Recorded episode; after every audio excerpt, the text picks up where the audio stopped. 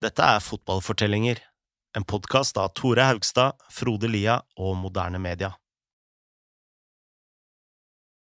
I 1984 dukker Johan Cruyff opp på et nederlandsk TV-program for å snakke om sin karriere. Foran ham sitter en gjeng skolebarn som lytter intenst. Når Cruyff er ferdig, spør han barna om de har noen spørsmål. Man skulle tro at samtlige var for sjenerte til å si noen ting men én gutt med blondt hår i rød poloskjorte rekker opp hånden. Han spør Cruyff om hvordan en trener på best mulig måte kan formidle sitt budskap til spillerne. Gutten som stiller spørsmålet, er 13 år. Han heter Erik Ten Hag.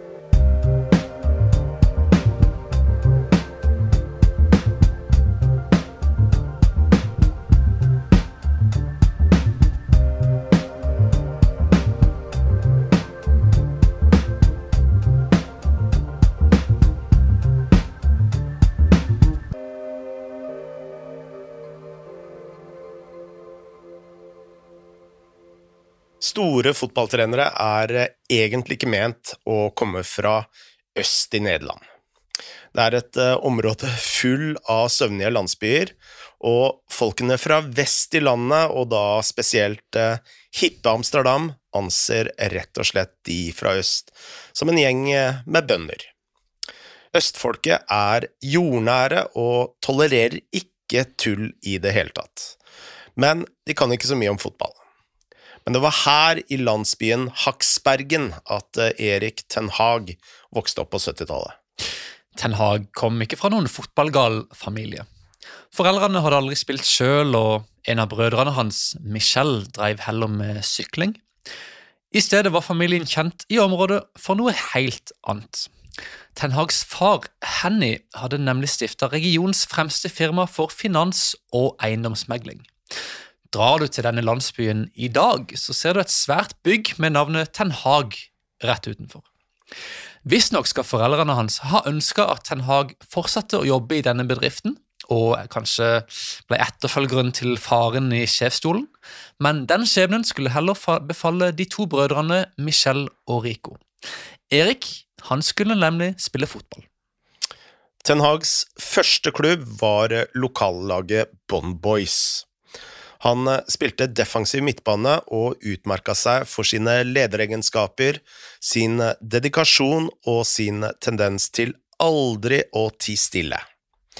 Allerede som gutt var han en eh, såkalt know-it-all, altså kameraten som alltid har det beste svaret på den beste historien, og som alltid skal vinne diskusjonen hele tiden. Hver gang treneren hadde presentert slagplanen før en kamp, så spurte han om det var noen spørsmål, og det er jo litt sånn der, eh, sant, du har vært i en garderobe, og det liksom bare Ja, er det noen som vil si noe? Og så er det liksom et spørsmål som ingen egentlig skal svare på. Men hver gang så var det en sånn irriterende hånd som gikk opp i været, og det var Ten Hag som skulle spørre eller eh, kritisere eller kommentere på en eller annen greie som treneren hadde sagt. Faktisk var det en trener som suspenderte han i flere kamper fordi han rett og slett ble lei av all denne pratinga og disse kommentarene. Og man kan jo forstå hvorfor en sånn kranglefant kunne bli litt sånn innpåsliten. En av kameratene til Ten Hag fra den tida sa at om alle sa at Federer var best, så kom Ten Hag garantert til å si Nadal. Da Ten Hag var 12 eller 13, dro han eh, videre til akademiet i FC Tvente, som var den største klubben i området. Og Ten Hag hadde allerede sesongkort der og pleide å sykle de 40 minuttene til eh, stadion sammen med noen kamerater for å se laget spille. Han nådde A-laget mot slutten av 80-tallet, før han eh, fortsatte karrieren hos diverse lag i de øverste divisjonene i Nederland. Disse lagene var De Grafschapp, RKC Valvich og Utrecht. Ten Hag var ofte kaptein, og selv om han var en treig stopper, så jobba han hardt og dirigerte mye og fikk alltid det beste ut av sine lagkamerater. I 1996 dro han tilbake til FC Tvente, som han vant den nederlandske cupen med i 2001. Året etter la han opp i en alder av 32 år med mer enn 400 profesjonelle kamper under beltet. Omtrent så fort Ten Hag hadde kommet seg ut av dusjen etter sin siste kamp, begynte han som trener. Han eh, fikk en jobb i akademiet til Tvente, hvor han kjapt jobba seg oppover i systemet. I 2008 ble han assistent på A-laget for en utenlandsk trener som før hadde jobbet i Manchester United og trent det engelske landslaget, nemlig en viss Steve McLaren. På første dag under sin eh, nye sjef dukka Ten Hag opp med en mappe som inneholdt seks uker med treningsøkter frem til eh, sesongstart. Hvert minutt var planlagt ned til hver minste drikkepause. McLaren uh, uttalte senere at han hadde aldri sett noe lignende.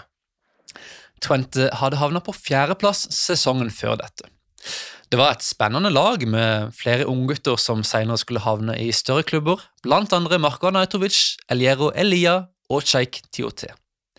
McLaren tilførte laget nye impulser, men selv ikke han var like skarp taktisk som Ten Hag. Mens McLaren måtte opp på tribunen for å kartlegge kampene og se alle bevegelsene à la Big Sam i Bolten, så fikk Ten Hag med seg alt nede fra sidelinja. Ten Hag sa McLaren så ting som ingen andre så. Tvente kom på en råsterk andreplass den sesongen. De skulle vinne en sensasjonell ligatittel året etter, men eh, innen det hadde Ten Hag dratt videre til PSV Eindhoven for å jobbe under sin tidligere mentor i Tvente, nemlig Fred Rutten. Tre år senere, i 2012, ble han eh, kontakta av Mark Overmars, den legendariske vingen som eh, hadde blitt aksjonær i Go Head Eagles, en liten klubb i andredivisjon, han spurte om Ten Hag ville ta over som hovedtrener, og Ten Hag, han sa ja. Go Ahead Eagles hadde kommet på niendeplass sesongen før. De hadde sittet fast i divisjonen i 16 år og hadde liksom ikke peiling på hvordan de skulle komme seg videre fra det, men eh, med Ten Hag ved roret så ble klubbens mentalitet snudd fullstendig på hodet. Ten Hag kjørte to treninger per dag, og hvis det var noen spillere som ble slitne eller klagde på at de var søvnige, så fikk han plassert senger i garderoben, sånn at de kunne hvile mellom øktene, eller kanskje ta seg en liten siesta om det var nødvendig. I denne perioden, i sin første jobb som A-lagstrener, så var Ten Hag fullstendig besatt av fotball 24 timer i døgnet. I løpet av én økt så var han så oppslukt av alle detaljene at han ikke merka at han hadde på seg buksa feil vei. Byen Ten Hag kom fra, er like ved den tyske grensa, og Ten Hag visste tidlig at han ville ha alt på stell. Han eh, fortalte banemannskapet akkurat hvor mange millimeter høyt gresset skulle være, da han eh, så at materialforvalterne bare plasserte drikkeflasker tilfeldig rundt på bordet i garderoben, krevde han at de skulle stå oppstilt på en rekke og rad. En annen forespørsel var å endre døra til kontoret hans. Den hadde vært en eh, enkel tredør, men eh, Tenag han ville ha et glassvindu på toppen. Hvorfor det? spurte direktøren. Da sa Tenag, så alle her kan se hvor mange timer jeg legger ned. Av og til kunne Ten Hags presise krav forfjamse spillerne. En gang skulle de løpe rundt i grupper i skogen, eh, og Ten Hag ga de en distanse som de skulle løpe på to minutter. Men fotballspillere er jo selvfølgelig konkurransemennesker, så en av gruppene ville vise at de kunne fullføre distansen på enda kortere tid enn dette, og løpe inn på pene 1 minutt og 50 sekunder. De trodde kanskje at de skulle få ros for denne prestasjonen, uh, men i stedet så fikk de en skikkelig skyllebøtte av Ten Hag. Når han sa to minutter, så betydde det at de skulle komme i mål presis på to minutter. Om dette var forvirrende i starten, så fikk Ten Hag spillerne kjapt på sin side. Med 4-3-3 som formasjon førte han Go Head Eagles til toppdivisjonen på første forsøk. Innen det visste alle at Ten Hag var for god for nederlandsk andredivisjon, og mange forventet at han skulle ta over en større klubb. Men Ten Hag dro heller til tysk fjerdedivisjon. Før det hadde nemlig Ten Hag vært på en Uefa-kongress hvor han hadde truffet legendariske Mathias Sammer, som da var daglig leder i Bayern München. Sammer eh, likte Ten Hag, og eh, i 2013 så ga han han trenerjobben for Bayerns andre lag, som Ten Hag aksepterte. Dette var divisjonsmessig to steg ned, så det var jo på mange måter litt rart at Ten Hag skulle gå hit. Egentlig var det tre steg ned, siden han hadde rykka opp med Go Ahead Eagles. Men Vi har snakka med Paul Thomas Clay, som har kommentert den nederlandske toppserien, samt en rekke andre europeiske ligaer, i ti år. Han fortalte oss at Bayern-jobben var en brikke i en større plan fra Ten Hag om å lære så mye som mulig. Han har en veldig sånn blanda bakgrunn, spilt under en del forskjellige typer trenere. Eh, men også på en måte Kall det nesten litt tenkere innenfor hvert sitt segment. Da. Fred Rutten var han, eh, var han assistent, eller del av trenerstaben og assistent under i, i, i Trente. Uh, Jobba litt med Steve McLaren når han var der, og de vant seriegull uh, litt seinere. Så det er to tre. Altså Steve McLaren, altså innenfor det britiske managersegmentet, så er han en, en, en tenker. Nesten. Altså, altså, altså han, han, er på en måte undervurdert som manager, mener jeg, da. Uh, men fordi han er britisk, så hefter jo ting ved det, selvfølgelig. Så fikk han jo sin første uh, hovedtrenerjobb i, i, uh, i Go Ahead Eagles og så dro han og ble reservelagstrener i, i, i Bayern München. og Det tror jeg var fordi han, han, ønsket å lære mer. Han trengte mer erfaring og, og, og bredde ut liksom, sine perspektiver. Da, både ved å flytte til et annet land og, og jobbe i teamet til Pep Guardiola der nede. Eh, han har hele tida vært fokus på å liksom, lære seg nye ting og ha en bredde. da, i Bayern overraska Ten Hag igjen spillerne. En av de første tingene han fokuserte på, var pasninger på to meter. Spillerne følte at dette var eh, kjedelig og altfor elementært, men eh, Ten Hag krevde at de skulle slå dem hardere og mer presist. Da de spilte kamper på trening, stoppet han eh, spillet omtrent hvert 20. sekund for å korrigere. Som i Go Head Eagles ble laget fort bedre. Bayern 2 vant sin regionale divisjon, men tapte i playoffen. Neste sesong kom de på andreplass, men innen det hadde Tenag fått nok, og dro tilbake til Nederland. Der tok han jobben i Utrecht, en klubb i toppdivisjonen, både som trener og som teknisk direktør. Og Utrecht var på mange måter et eh, rot. De hadde kommet på 11.-plass sesongen før i en liga som hadde 18 lag, som ikke er veldig bra. Fasilitetene var grusomme, og finansene var et fullstendig kaos. Som vanlig var Ten Hag kravstor. Da han så tilstanden på banen, hyret han inn et eh, profesjonelt banemannskap fra en lokal golfklubb. Han krevde en ekstra treningsbane for eh, A-laget, som han delte opp i seksjoner, en eh, greie som Guardiola også har vært kjent for. Han fortalte spillerne når de burde legge seg, hva de burde spise, og hvilke aviser de burde lese. Tenag hadde instrukser for alt, og når man eh, la til den offensive spillestilen, tok det ikke lang tid før han ble kjent som The Utrecht Pep. Ja, på godt engelsk.